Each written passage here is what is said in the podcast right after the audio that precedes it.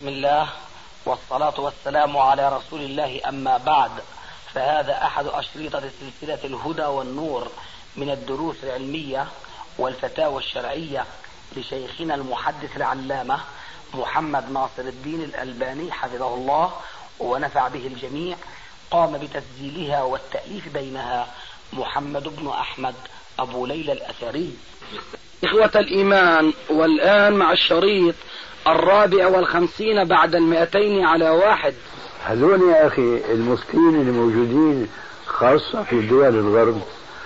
نحن كنا مع الأسف بعض المفتين مع الأسف بعض المفتين. في بعض البلاد الإسلامية وضعوا لكي تسليك الأمور باسم الشرع. فهناك من باب أولى أن يكون هؤلاء مشان يوقعوا على بياض أنه هذا ما بيخالف الشريعة الإسلامية. يا مسلمون في بلادنا يعني لا تثوروا لا تتحركوا. هاي شهادة المفتي وهي شهادة وكيل المفتي أو نائبه أو إلى آخره. فنحن ما يجوز إسلاميا مجرد ما يجينا واحد يقول أولا أنا وكيل مفتي وفعلا لو فرضنا أنه عندنا إثباتات كتلك الإثباتات التي تجري عادة بين الدول لإثبات أنه فلان سفير من قبل أمريكا فلان سفير من روسيا فلان سفير من فرنسا إلى آخره. بلا شك هذه الإثباتات لا تثبت بسهولة. لو فرضنا في عندنا مثل هذه الإثباتات يأتي السؤال الأخير.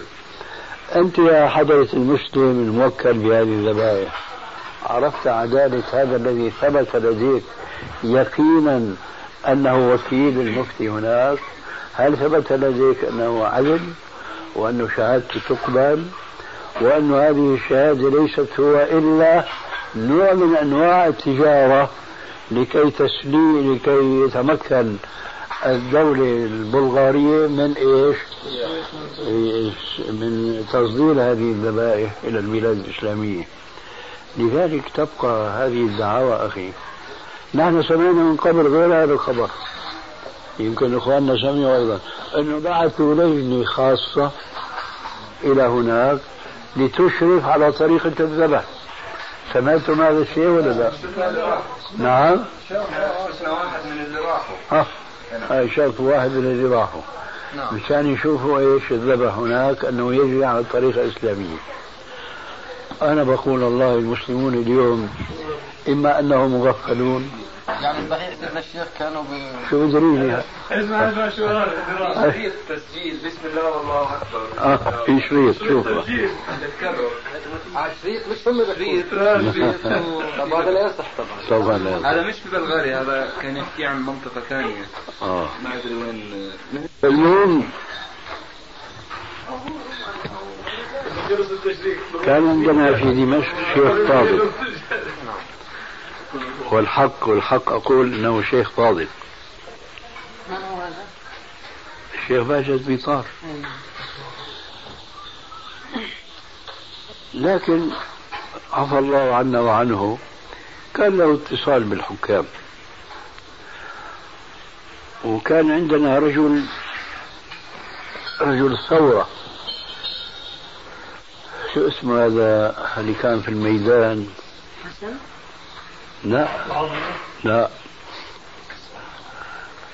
ما تذكر؟ واحد كان بالشام بالميدان. المهم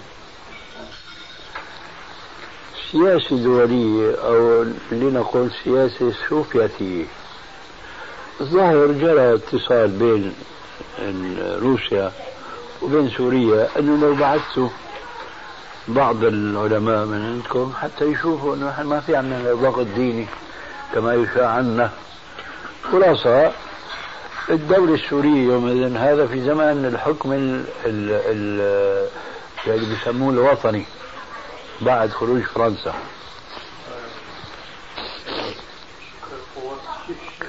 لو أرسلت فاختاروا الشيخ باجت رحمه الله. و كان في ذهني اسمه لا حبنكي عالم. هذاك مش عالم. الحافظ. نعم الحافظ. لا هذاك من الثوار الصالحين يعني من نمط آه، أبو صياح الحرش وأمثاله.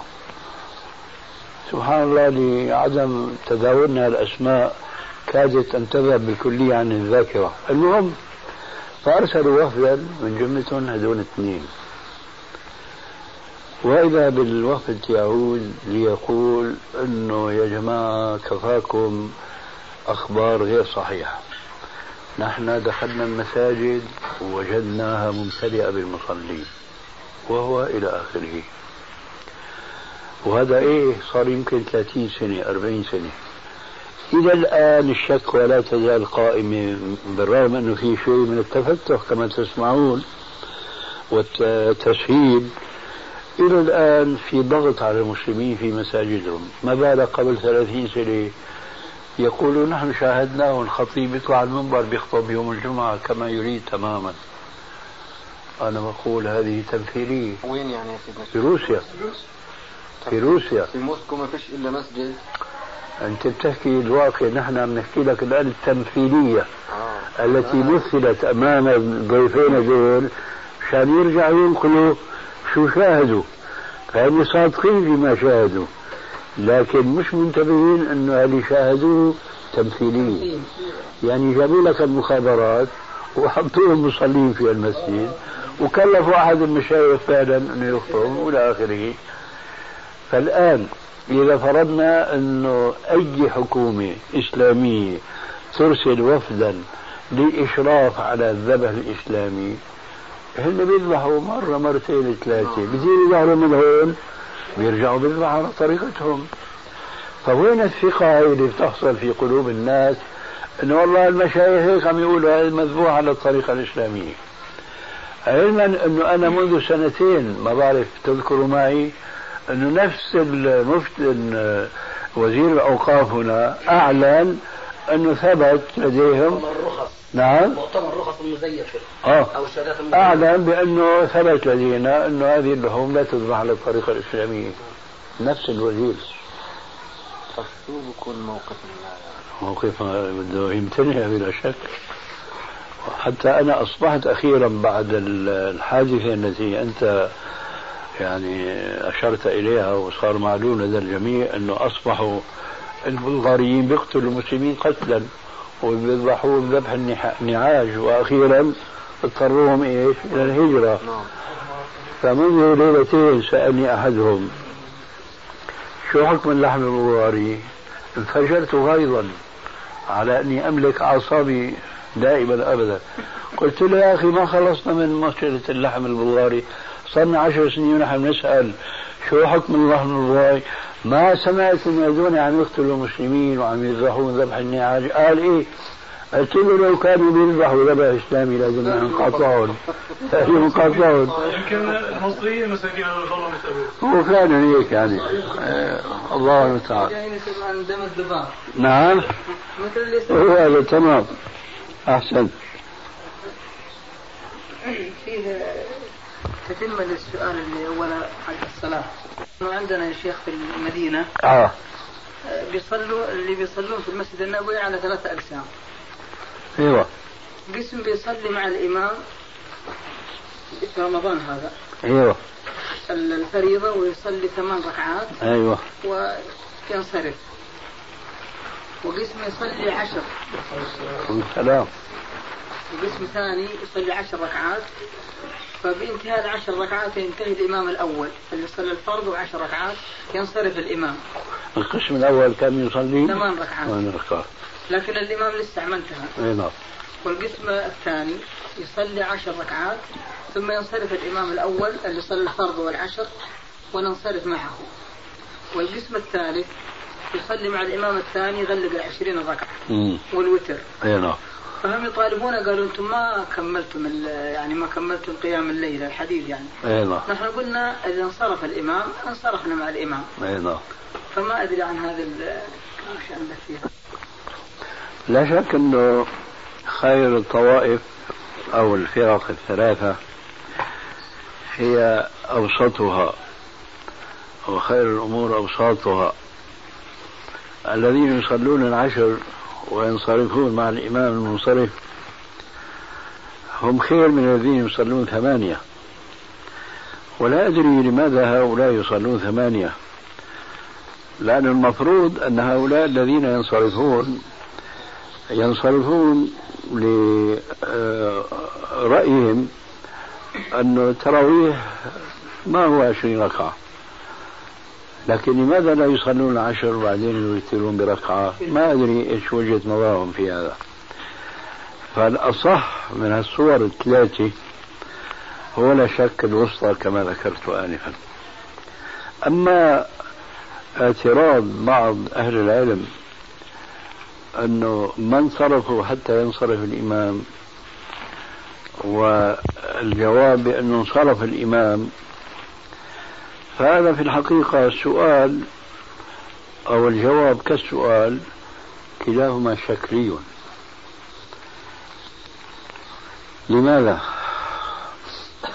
لأنهم هم يقصدون الإمام الذي يتم الصلاة أي العشرين. فجوابكم بأنه انصرف مع الإمام لا يقنعهم بطبيعة الحال لأنه ليس هذا هو الإمام الذي هم يرضونه.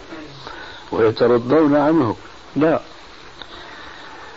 وفي علمي أن هذه الصور التي عرضتها في المدينة ليست في الحرم المكي يمكن الله أعلم. لأن هذا كل واحد سل أربعة هذا هو.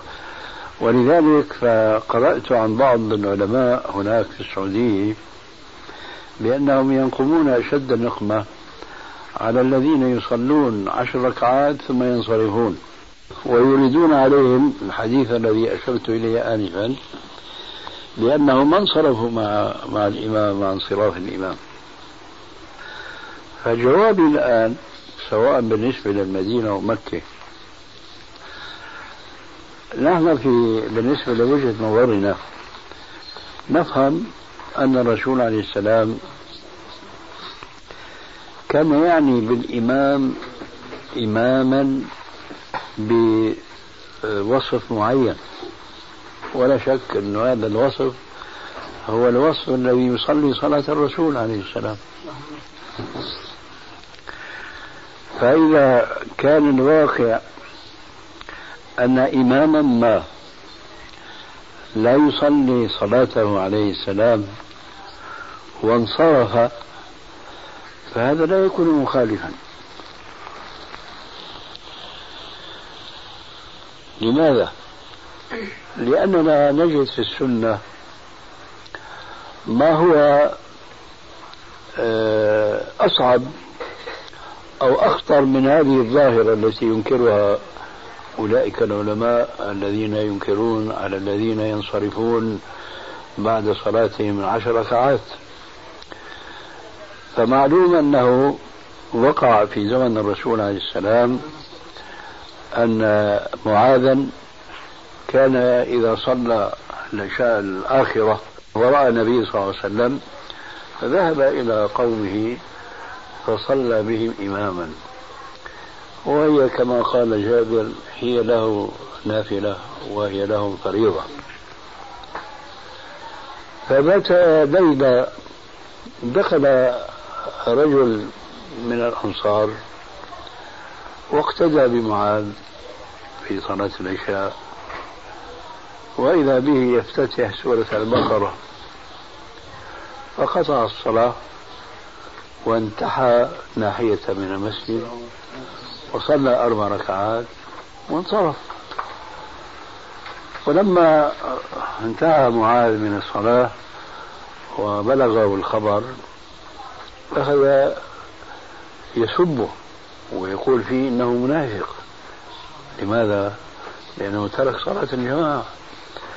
الصورة الآن حق لمعاذ أن يقول إنه منافق. لماذا؟ لأنه ترك صلاة الجماعة.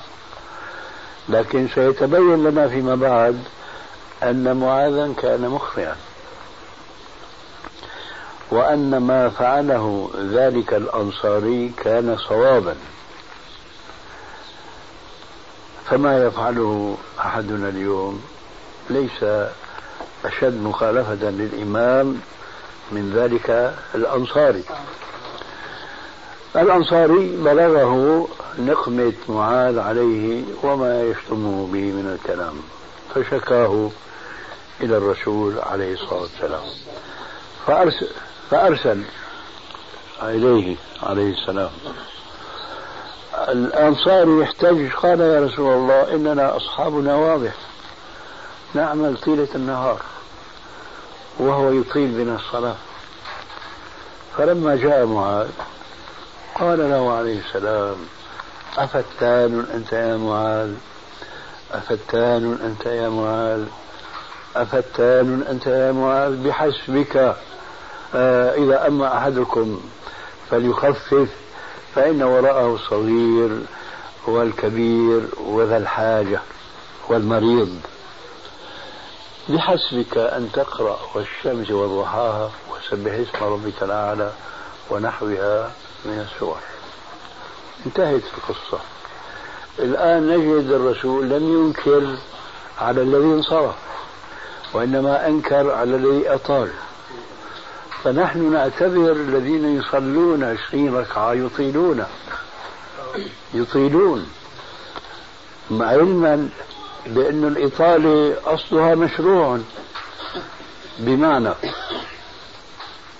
أصلها مشروع لو صلى وحده وأطال وأطال. ما في عليه بأس إطلاقا. لكن لما صلى جماعة وأطال وخالف السنة فالذي قطع الصلاة وقطعها لا يجوز في الأصل بطبيعة الحال لكن لما وجد له عذر شرعي وهو إطالة القراءة في الفريضة أكثر من السنة المشروعة ما نقم الرسول عليه السلام على ذلك الأنصاري قطعه لصلاته. فإذا لماذا ينقم علينا بعض المشايخ هناك أننا نقطع الصلاة ولا نقطعها؟ بل نحن نخرج معهم بالسلام. ها؟ تكبير إيش الحديث؟ تحريمها تكبير وتحليلها تسليم فنحن ما نقطعها كما فعل ذلك الأنصاري. فلماذا ينقمون؟ ظني والله أعلم يعود إلى أمرين اثنين وهو غلبة الظن عندهم أن العشرين جائزة أو سنة عمر. آه. والأمر الثاني أنهم لا يتعمقون في دراسة عذر هؤلاء الذين ينقمون عليهم لأنهم إذا لم يتعمقوا في دراسة عذر ذلك الأنصاري لاشتركوا مع معاذ الأنصاري في النقم عليه. لكن لما جرت المحاكمة بينهما بين يدي الرسول عليه السلام كان الفلج وكان الظفر لمن؟ لذلك الأنصاري على ذلك الإمام وهو معاذ بن جبل. وما أدراك. نعم. رضي الله عنه. آه وما أدراك ما معاذ. فإذا ما ينبغي هذا التحمس في الرد على أنصار السنة حينما يسلمون مع الإمام في العشر ركعات؟ لأننا نقول لو أن أي رجل صلى وراء الإمام. من صلاة القيام ركعتين لم يكن لأحد من سبيل أن ينقم عليه لأن هذه نافلة. فله أن يصلي ما شاء منها في حدود الشرع كما نقول نحن. لكن ما ينقمون على أحد أبدا إذا صلى ركعتين. أما إذا صلى عشرة اتباعا للسنة هؤلاء فرقوا الجماعة. ويقولون بس الأجر ما يحصل على الأجر حق قيام الليل. هذا صحيح لكن هذا ليس هو الإمام. يعني لإطالة القراءة على خلاف السنة لا يعطى لها الأجر المفروض في السنة. فنحن نقول الإمام المذكور حتى ينصرف الإمام. قلت أنا هذا الكلام في الأول لكن الحقيقة كان علي أن أؤكد. أن الإمام المذكور في الحديث هو الإمام المتبع للسنة وليس المخالف. نعم. صلوا كما رأيتموني هذا هو. بسم الله. وهل ثبت عن عمر أنه صلى 20 سنة؟ معلش خليني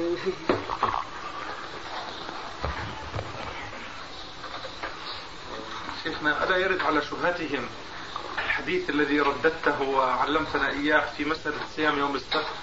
من ترك شيئا لله عوضه الله خيرا منه؟ الله أكبر. كيف لا؟ نعم.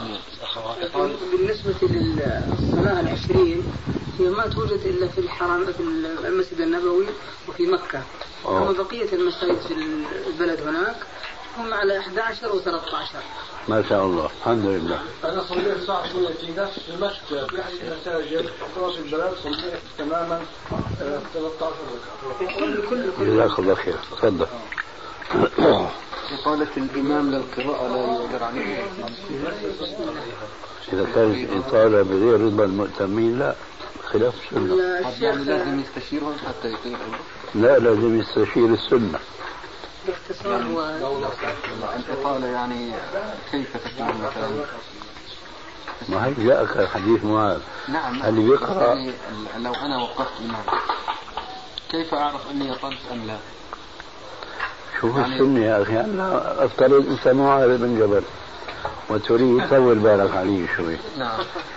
تريد أن تصلي بالناس صلاة العشاء. نعم. وقرأت لهم من سورة البقرة أو سورة قاف والقرآن المجيد أو أي سورة أخرى صفحة بكاملها. هل اتبعت توجيه الرسول عليه السلام؟ يعني بعتبر قصيرة يعني صفحة واحدة. ما جاوبتني. نعم. أنا عنيت صفحة وبعدين أنا أنا بعدين إذا ما بتقتني معي بضربها على اللاوية مثل ما بيقولوا بالشام بقول لك صفحتين. لكن هلا خلينا على الصفحة. فالصفحة الواحدة هي تساوي مثلا والشمس وضحاها؟ نعم. لا. الشمس وضحاها لا. صفحة هو في القرآن يعني هي لا لا لا لا هي. هو الطباعة. لا. هي ما نريد أن نسمعها منك. يعني آية لأن هي شكلية محضة. آية الربا جاي في صفحة في. القرآن الطبعة مدنية. معليش صفحة كاملة. وفي في القرآن. بتيجي صفحة وشوي. هذا صحيح. نعم. لكن لك بالنسبة للوقت. يستويان؟ لا. فإذا المعيار هو الوقت أي اللي هو ميزان الإطالة. وعدم الإطالة عفوا ما بدنا نتناقش في شيء. اتناقش لأنه صار معي هذا الشيء يعني بس أنا بدي استفتي أنا وقفت امام قبل يومين يعني غاب الإمام ووضعوني مكانه. وقرات آه، قصة قارون. في سورة آه، قصص هي تيجي يعني صفحه ونص في صلاة العشاء. بارك الله فيك. في صلاة العشاء. طويلة. جئت كيف لا ركعة طويلة. قارون. لا ركعة واحدة. والركعة الثانية طويلة طويلة. هي ممتعة. عشان هيك آه عشان هيك أنا وجدت ناس يعني استمتعوا علشان هيك؟ ما تابعها يعني اي نعم. بس كنت سريع أنا في القراءة يعني شوي. ما شفت أنا إني طولت. لكن سمعت إنه في ناس عرفوا اني طولت يعني. إيه بس أنت يا أستاذ. إنه طول بعد ما يسلم. نعم. بعد ما يسلم ما بتقدرش برضه تاخذها من نصها توقف في نصها يعني. أنت اندمجت في فيما تحمله من نعم أنا يعني أنا كانت نيتي إنه يستفيدوا المأمومين بالقصة. هيهات هيهات فناس يعني رضوا ناس سقطوا يعني صارت غير فكرة طيب هلا لو واحد من الناس جاب لك قصة معاذ شو بيكون ردك عليها؟ والله أنا يعني انبسطت من حكم الرسول صلى الله عليه وسلم. هذا أمر طبيعي. بس ما جاوبتني عن سؤالي. سورة البقرة مستحيل. ما جاوبتني عن سؤالي. نعم. لو واحد يحتج عليك بقول الرسول بحسبك أن تقرأ كذا وكذا شو بيكون هو جوابك؟ صادق صح. شو بيكون جوابك له؟ له حق علي فعلا خلاص فإذا أنت ما تعود إلى دريت لا ما لا لا يا حبيبي لسنا في صدد المعاتبة. نعم. وفي صدد المؤاخذة. وإنما. نحن طول بالك الله يرضى عليك. نحن بحثنا الآن في الترشيد والإرشاد. انه الإنسان لو حلا له القراءة والاطاله فيها ما يخرج عن السنة كما أنه لا نقصد من وراء ذلك أنه يتبع أهواء الناس لأنك لو قرأت هذه القراءة في صلاة الفجر لوجدت ناس يعترضون عليك يقولوا يا أخي طولت علينا. كمان في صلاة الفجر ما بصير ولا ظاهر أنت ما مالك عايش في عالمنا؟ لا أنا بشوف الجمعة ولذلك في اليوم الثاني جيت أنا وصلى فينا إمام ثاني صحيح. قرأ من سورة البقرة أول أربع آيات. من الصغار هذول. والثاني إذا جاء النصر إذا جاء نصر الله والفتح وانصرفوا الناس مبسوطين إيه هذا بقى أنت عم ترد علي ولا عم تأيدني؟ هذا المقصود. فإذا آه، أنا وين كان قصدي؟ إنه ما نراعي أهواء الناس لا سلبا ولا ايجابا. يعني هلا عم نقول لك أنت طولت القراءة في صلاة العشاء؟ لكن هالقراءة لو قرأتها في صلاة الفجر من لك قصرتها شايف؟ لأن الرسول كان يقرأ 30 آية واللي قرأت أنت؟ ما بلغوا أظن 30 آية. المهم المهم حين ذاك نحن ما بنقول يا أخي راعي الناس لا بدك راعي السنة شايف؟ راعي السنة فالشاهد الأصل هي مراعاة السنة. رضي الناس أم غضبوا طيب ذكرنا الأستاذ أنا عيد في شهر صارت معي مع أنا وابني عثمان لأن نطلع الصبح صلاة الفجر وجدنا المسجد مسكر فاستمرينا رحنا على مسجد بعيد شوي عند الفجر أيوه. دخلنا وصلي جينا على الفجر ظهر الجماعه في الجماعه والخطه يمكن صف صاروا يشوفوا بعد المهم حكوا لعثمان خلينا نصلي. لا بعرف ولا بنعرفهم ولا بنعرف ناس منهم أيوه الفجر دائما بنام ليلة الجمعة هنا. بصلي الفجر في صليت آه، السجدة وصليت الذهب علمنا عاوزين نصليها ومرة وأسبوع آخر برضه نفس الشيء. بعدين حكوا لابن عثمان. أيوه. استطعم بقى ذوق تحملناك حاجة أصلا أنا أنا هنا كنت مصلي وبعدين أنا بصلي عمال اللي اللي, اللي هذا الفجر ما في الفجر. ف حاولت أقرأ السجدة على ركعتين بدي أمشي مع الجميع مع المصلين. معلش هلا أنا أنا مخطئ غير لا بدي ناخذ جواب منك. فقرأت شيء من سورة الإسراء وسورة الكهف شوي من هون شوي من هون. يعني قرأت صفحة فقط من كل عند الجمعة برضه يوم جمعة؟ لا فجر جمعة. لا ما فجر ولا حاجة. فالحال انبسطوا وهم عظموا يسلموا علي وأنا يسلم عليك هذوك المرة ولا مرة يمكن واحد بيهنوه شيخنا السلام عليكم لحقوني. خرجنا لحقوني أربعة خمس سنوات. طيب شو موقف شو الموقف هذا؟ وشو ما شو إحنا كان نعمل شو رغم إنه كنت بدي أحكي كلمة عن طول الصلاة ولكن على اختصار ما بنعرف حدا من هذول بده يحكي مع مين؟ فشو رأيك في اللي صار؟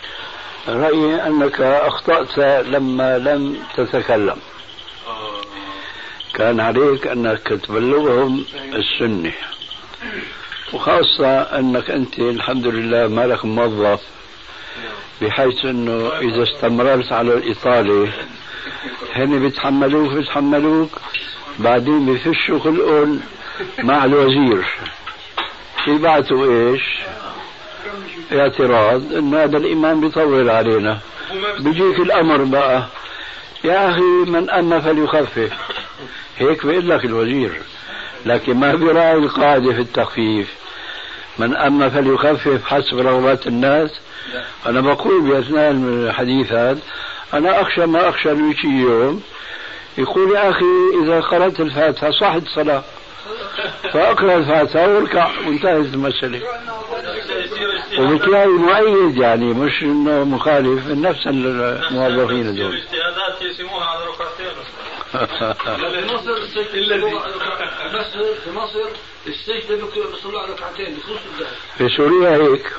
شيخنا بالمناسبة ذكر قضية تقسيم سورة السجدة إلى ركعتين أظن أنه كنت نبهت في الأجوبة النافعة أو في التعريف على إصلاح المساجد لأنه هذا ابتداع يعني إما أن يقرأها بتمامها أي نعم. أو أن لا يقرأها. هو كذلك. لأنه هن بيفهموا ونبه عليها آه، الإمام ابن القيم رحمه الله قبل منا هن بيقرأوا سورة السجدة بظنوا أنه المقصود فيها السجدة لا هي المقصود السورة كلها بما فيها من عبر. اسألي علي السؤال اللي سألتني قبل شوي الشيخ اللي سألك إياه هذا الإمام. هذا يا شيخ آه، بالنسبة للإنسان بس يجي يصلي بس يقول الله أكبر. يقول آه، بالنسبة للبسملة آه، هل يصح إخفائها أو إظهارها؟ آه. طبعا الأصح هو الإصرار بها وعدم الجهر بها. لأن أي نعم لأنه جاءت أحاديث صحيحة عن الرسول عليه السلام في أنه كان يسر بها. وجاءت بعض الأحاديث الضعيفة أنه كان يجهر بها لكنها ضعيفة لا تصح.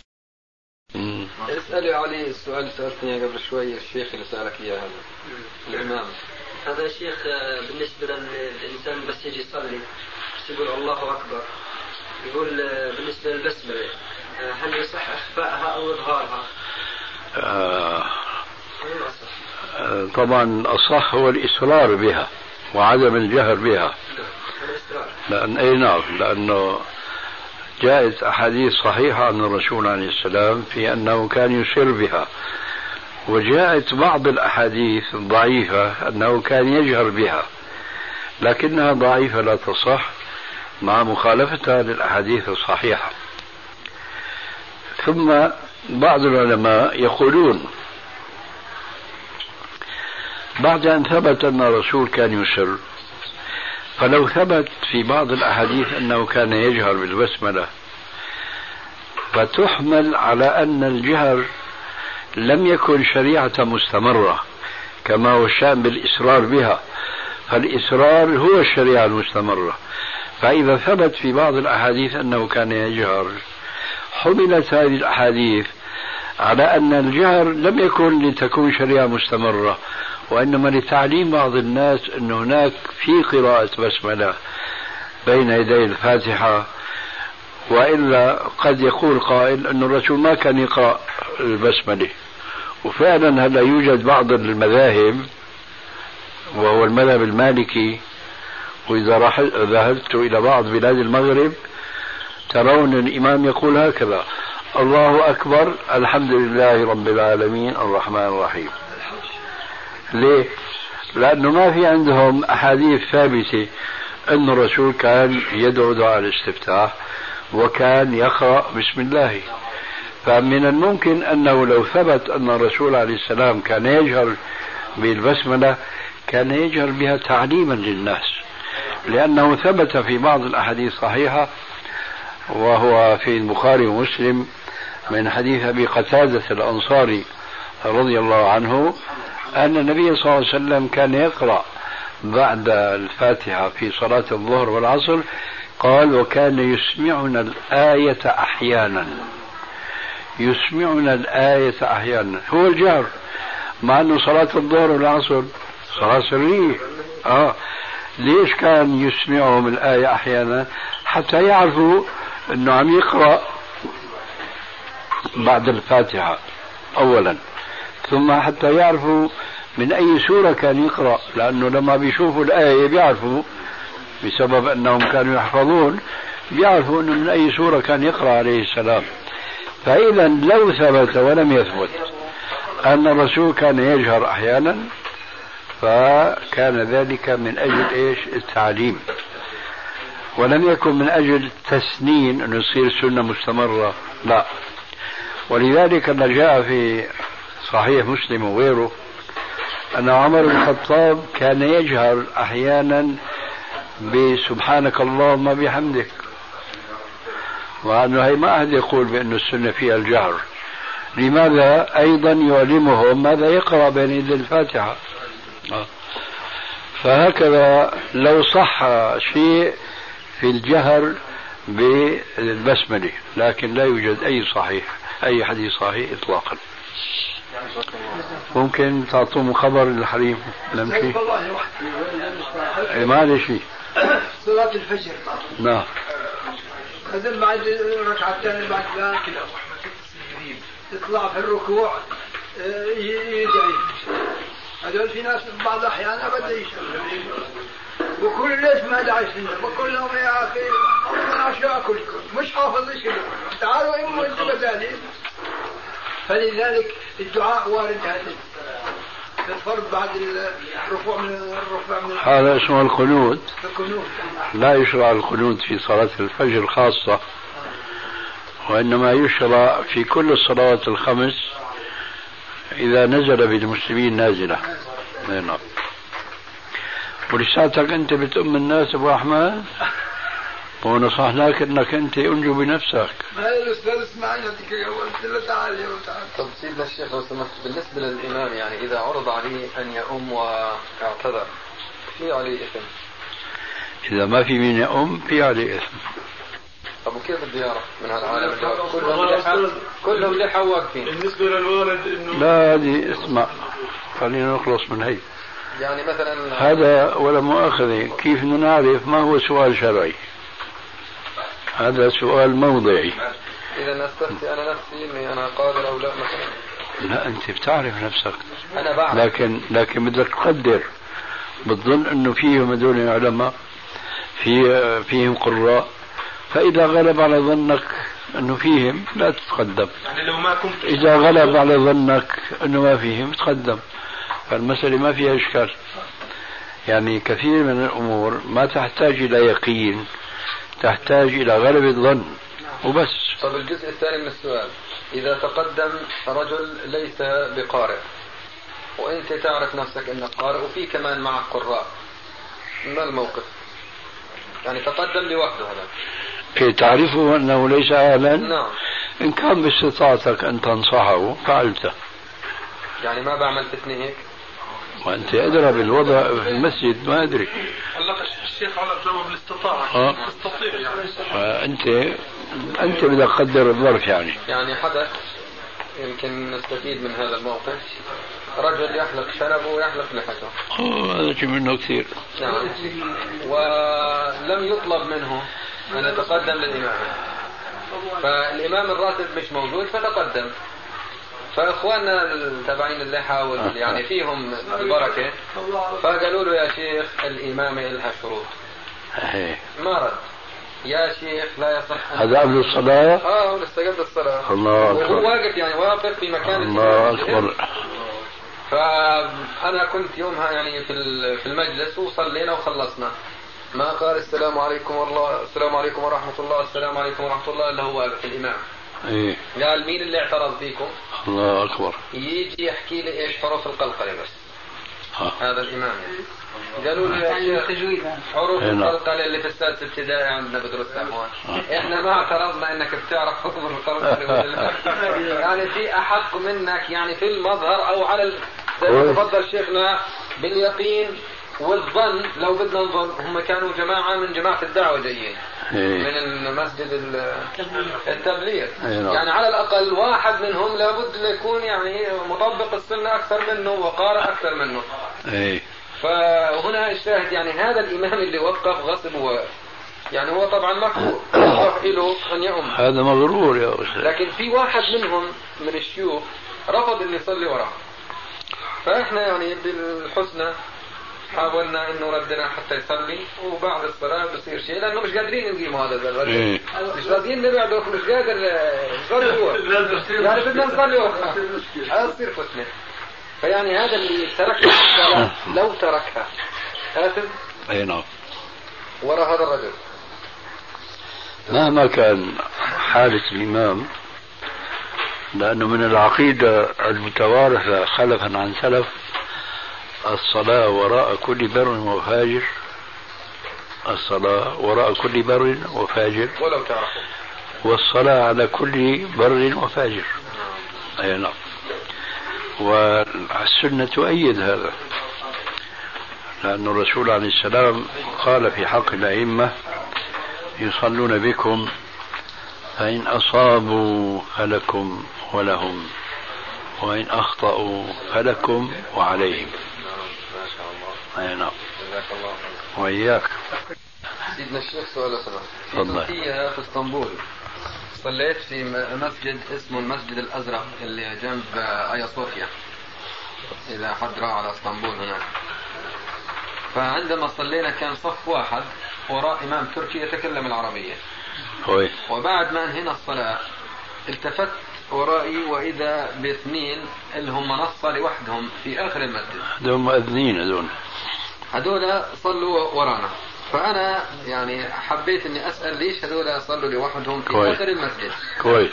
سألت الإمام.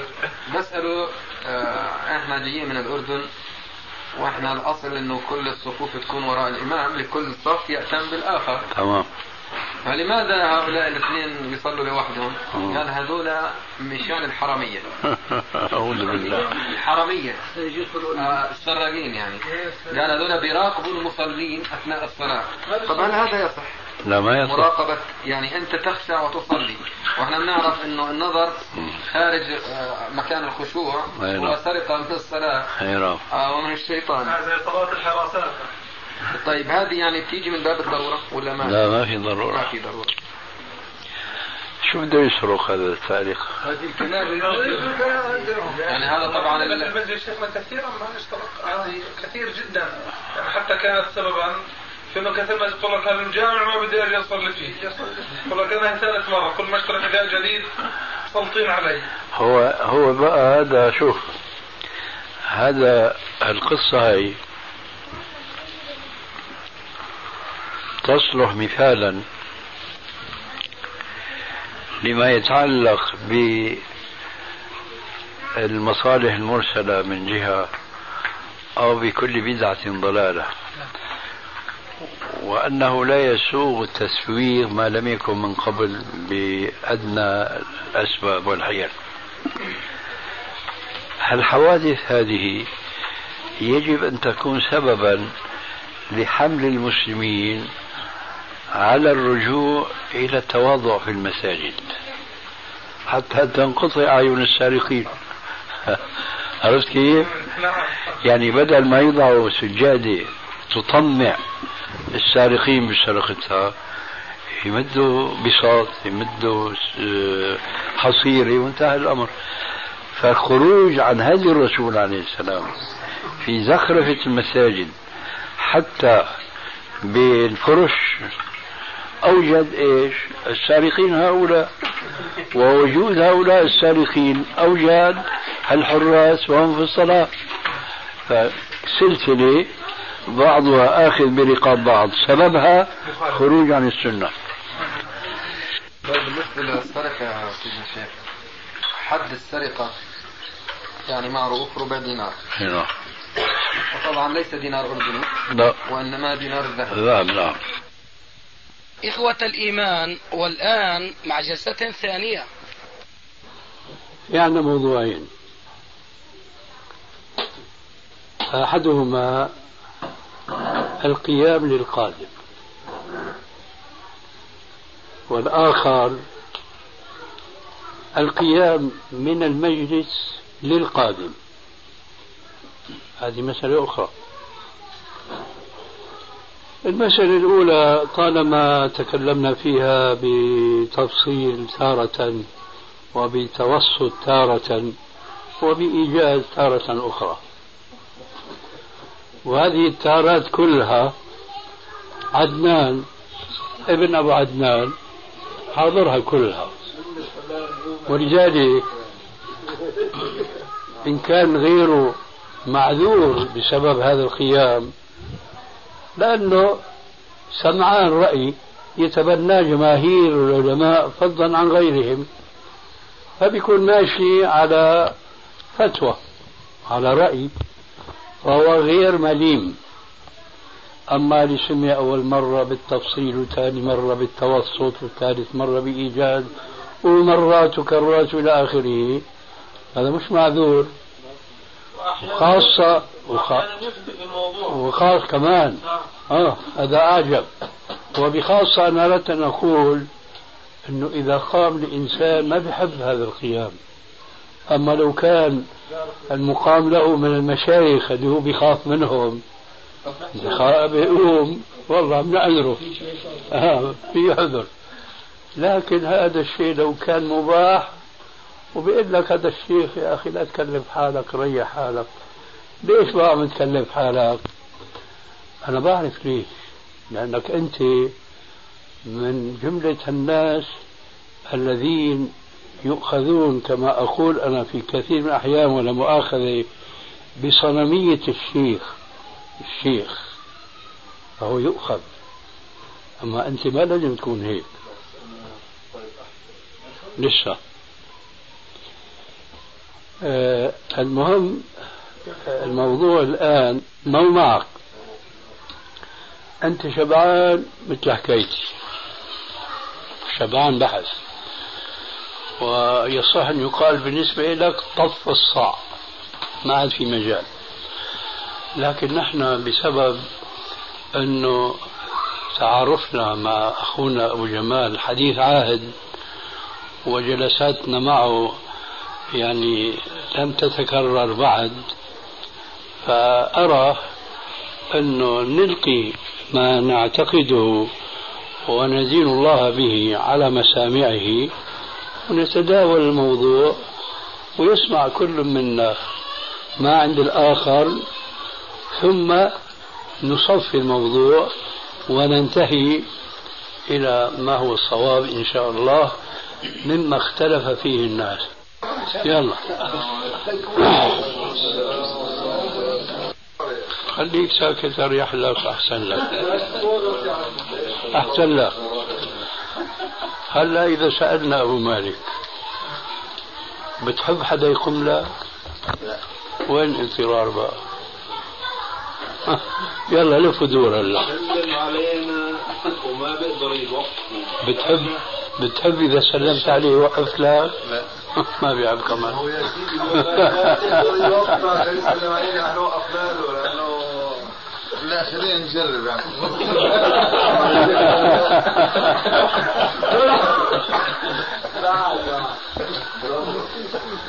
أنا لك خليك مرتاح ما رضيت شو تسوي لك لا أنت اللي ورط حالك الشيخ ما ورطك الشيخ دائما بيقول يعني يعني لما نشوف بعض الإخوان اللي لا يعرفون الشيخ فعلا يعني أخذتك هيبة الشيخ. صنمية صنمية نحن بنضخمها كمان شوي لأنه حقيقة المشايخ صايرين أصناف بالبنت إيه، ونحن من جملة مشايخ محسوبين لا بس هذوك بحط بس ومش عارف إيش. 50 60 100 طبقة فوق طبقة حتى تصير زي الصيني نبحث في موضوع لا ما يمكن. شو نسيت ما حلك تنسى. ولا ولا شبت شيبتنا يا عدنان. ما حلك تنسى أن لك في موضوعين. موضوع الأول ما نبحثه من أجلك أنت. لأنه بعبارة أخرى هو ايجاز ما مضى. انهرى الموضوع معك. انهرى من كثر إيش؟ الفتح والإعادة. لكن في بعض إخواننا كما قلنا ربما ما يكون طرق سمعهم هذا الموضوع فأحببنا أن نعرضه لكي نجد ما عنده أو نسمع ما عنده. الخلاصة يا أبا جمال أن هناك حديث عن الرسول عليه السلام طبعا كما تعلم ما نروي إلا ما صح كما روى البخاري في الأدب المفرد في الإسناد الصحيح عن أنس بن مالك قال ما كان شخص أحب إليهم من رسول الله صلى الله عليه وآله وسلم وكانوا لا يقومون له لما يعلمون من كراهيته لذلك. الكلام الآن موجه لعدنان. نحن نزعم أننا ما بقول لك نقتدي برسول الله وفعلا نحن نقتدي لكن الاقتداء برسول الله ليس بالسهل. ولذلك بعدل عبارة نقول نحاول أن نقتدي. السلام عليكم وعليكم السلام أهلين قلت نحاول أن نقتدي بالرسول لأنه تحقيق الاقتداء به ما هو بالأمر السهل. لكن من باب كما قيل فتشبهوا إن لم تكونوا مثلهم إن التشبه بالكرام فلاح فما دام أنت بتعرف نحن بنحاول نتشبه بالرسول فهو كان يكره القيام ونحن نكره القيام. نكرهه بصورة عامة لكن أشد ما نكرهه هو مع الذين سمعوا منا رأينا وكراهتنا له هذا أول ما يرد في هذا الموضوع ما كان شخص أحب إلينا من رسول الله صلى الله عليه وآله وسلم وكانوا لا يقومون له لما يعلمون من كراهيته لذلك. جملة معترضة حتى ما يقول أحد أن الشيخ ببالغ هذا دخل صهر الشيخ ما حدا قبله. ليش؟ ما في عنده هذيك الصنمية. حتى يؤخذوا بها ويقوموا والحر تكفيه الإشارة علما الذين يقولون باستحباب القيام يقولوا إكراما للمسلم. أي كل من دخل يكرم. الآن صارت القضية قضية شخصية. يكرم ناس ولا يكرم ناس. منتهى الموضوع بيجينا الحديث الثاني.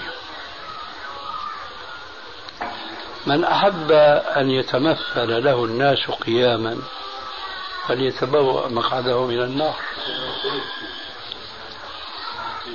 لا شك أن هذا الحديث له علاقة بالداخل.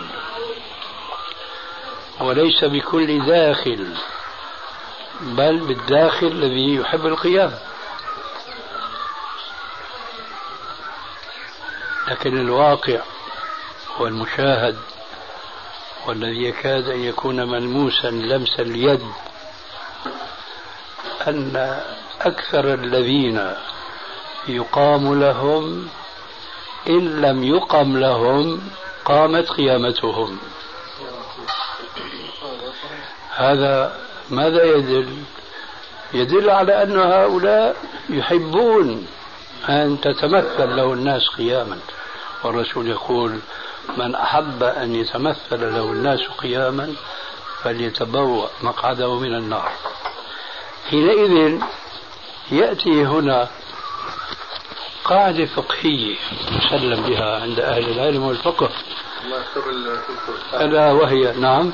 قبل القاعدة لأنه يريدون على هذا الحديث شبهة نعم.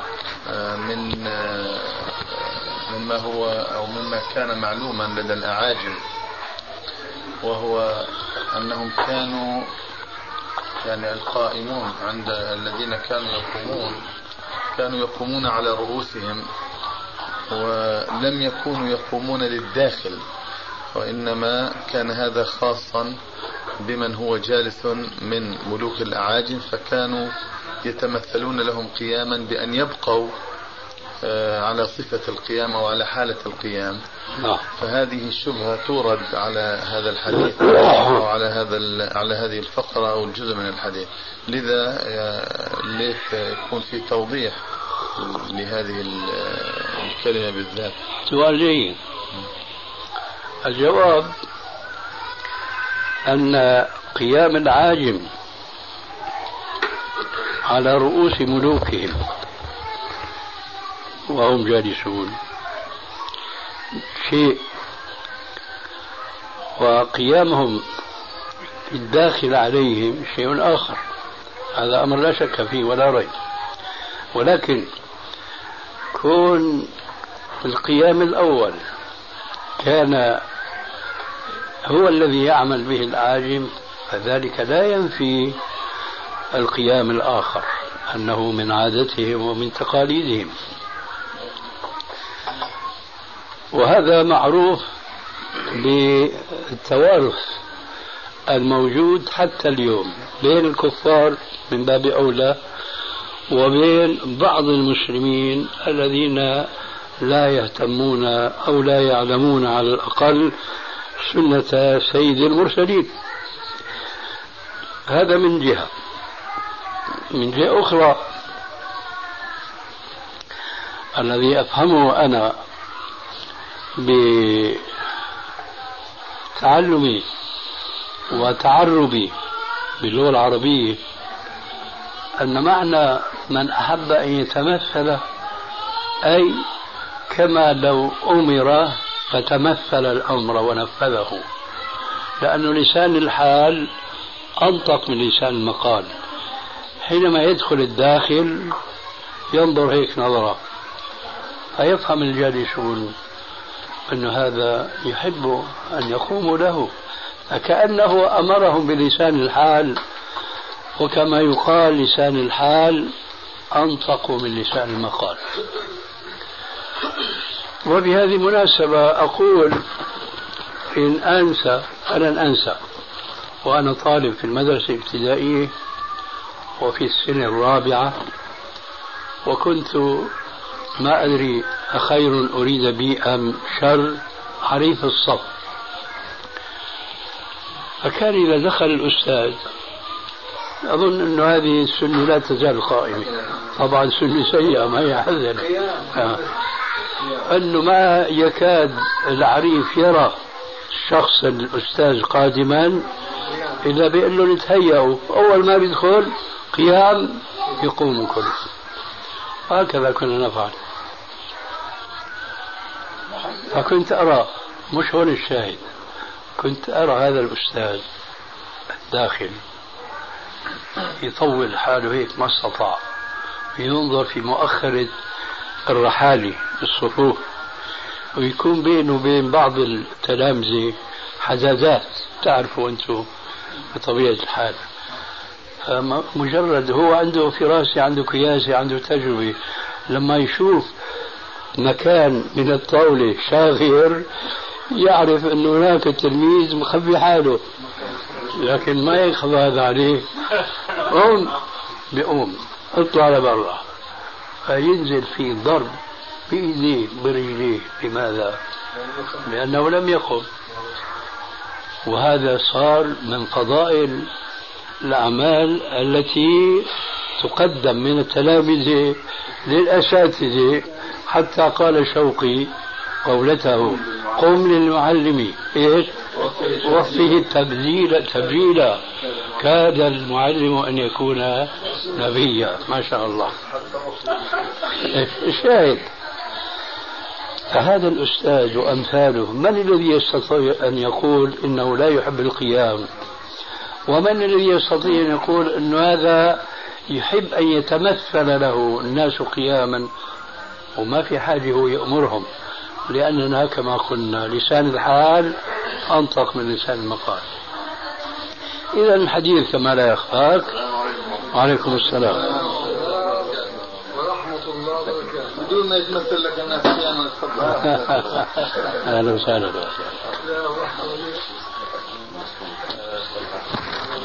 فقلنا أنه ينبغي هنا أن نستحضر قائد قاعدة فقيه وهي باب سد الذريعة. أي فهذا الذي يحب القيام ينبغي أن لا يقام له. باب سد الذريعة بيوجب علينا أن لا نقوم لهؤلاء. طبعا ما مدخل هنا الضرورة بقى بنخاف إنه يضربنا مثل ذاك المعلم وقد يكون ضربته أقوى من ضربته وإلى آخره. وإنما نحكي بدون نظر للضرورات التي تبيح المحظورات. فإلى هنا. يتبين أن هذا القيام المعتاد في هذا الزمان ليس على الأقل أدبا إسلاميا. أيضا على الأقل فيجب فيجب على الإخوان المتحابين في الله على الأقل أن يعرضوا عن هذا القيام بينهم بين بعضهم البعض على الأقل. أما هذا المجتمع الذي لا يمكن إصلاحه بكلمة طيبة فيتعامل الناس معه كل بحسب علمه وحكمته ودرايته ودربته ونحو ذلك. والبحث هذا كما يعلم أخواننا يعني له ذيول وله شعب لكن أريد أن أختمه بقصة لكي ننتقل إلى المسألة الأخرى. القصة هي أن أحد علماء الحديث وهو أبو عبد الله ابن بطة كان يرى حرمة هذا القيام وكان مشهورا بذلك بين الأنام في ذاك الزمان. إخوة الإيمان تتمة الكلام في الشريط التالي. وفي صحبته صاحب له شاعر. فمر بأحد العلماء في دكانه. فما وسعه إلا أن يقوم. إلك أسبة يعني أعطي بالك. بس انتبه للجواب. وقال له وهو يعرف رأيه. بيتين من الشعر. لا تلمني على القيام. هذا لو كنت شاعر بيطلع بإيدك تقول هيك شعر كمان.